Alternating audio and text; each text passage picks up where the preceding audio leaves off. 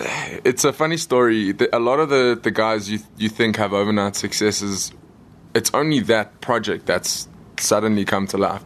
I mean, we've been playing in bands since we were 12, 13 years old.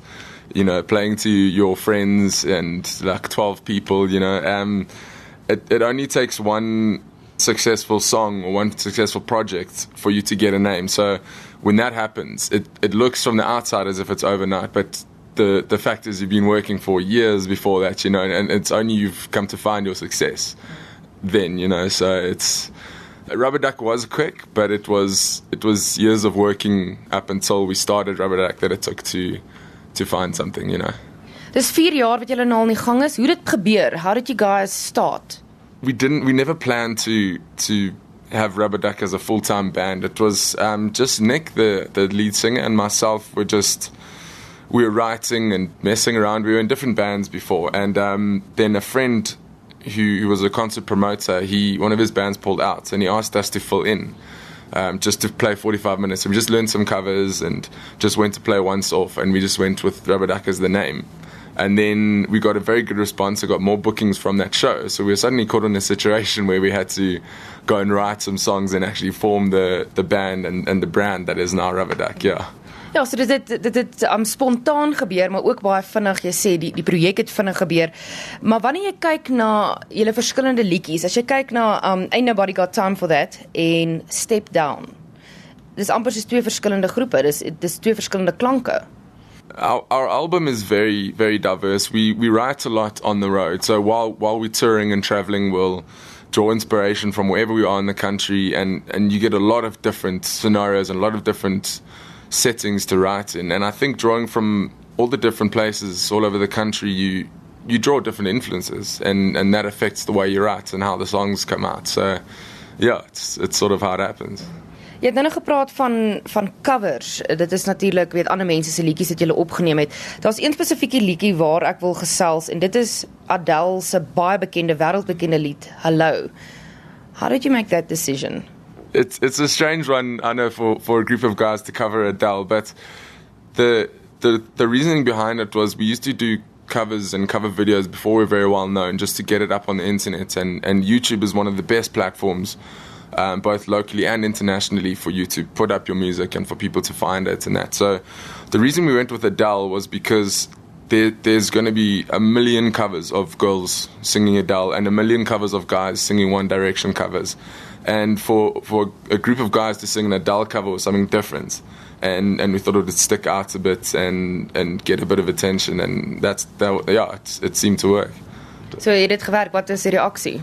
We we got a lot of people saying they they really loved the song and they liked a lot of people saying they preferred it to Adele, which which is terrifying because Adele is Adele, she's the queen, you know.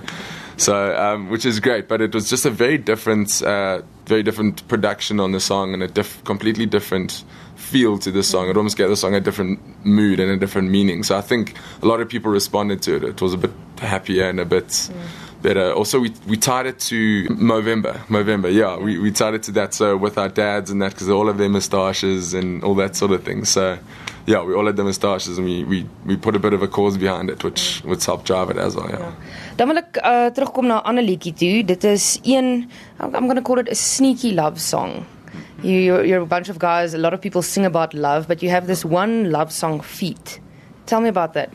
Feet we we wrote that very very quickly. We were in the in the process of doing working on the pre-production for the album. So you you sit with your your producer before you go into record, and you go through all the songs you have, and you narrow them down, and then you work on a few eventually until you decide what's going on the, on the album. And Feet hadn't even been written yet. We were busy working on another song for the pre-production, and we, we were struggling. We were fighting the song, and eventually we just got distracted as we do, and and started playing this other guitar riff and then Nick Nick came up with this vocal line, and it just developed into such a beautiful song.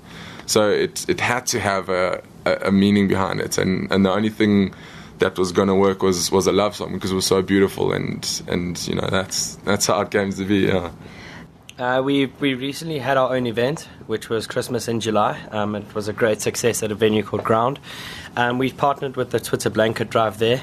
Um, in a couple of weeks, we're actually off to play an SPCA gig. Um, so we, we don't have one specific person or, or group or organization that we do go to, but we do like to be involved. It just helps everyone. It's a win win situation because they're getting help and we getting to be to work with them and mm. to, to be around them. So it's, it's all for a good cause you know, and that's what charity is about. We do play charity gigs and stuff, um, which is which I think is great because a lot of people will support that that cause and they won't have haven't heard of Rubber Duc. They might not even like Rubber Duc, but they'll be like, oh, that Rubber Duc band. They are have the same vision as us when it comes to animals being poorly treated or children or anything like that along those lines. Now, the band has a very challenging challenging October ahead of them. You guys have uh, two festivals in two days. Now, you as as one of the road managers, as the road manager, how um, could you manage that planning? The sixth, you are in at uh, Rocking the Daisies, in dan die sewende Tell me about the logistics organizing something like that. so it's, it's actually very nice, and we're quite honored to be one of the very few bands to play Oppie and Daisies, as you know, it's the first year that they together. So that is quite a, an honor for us.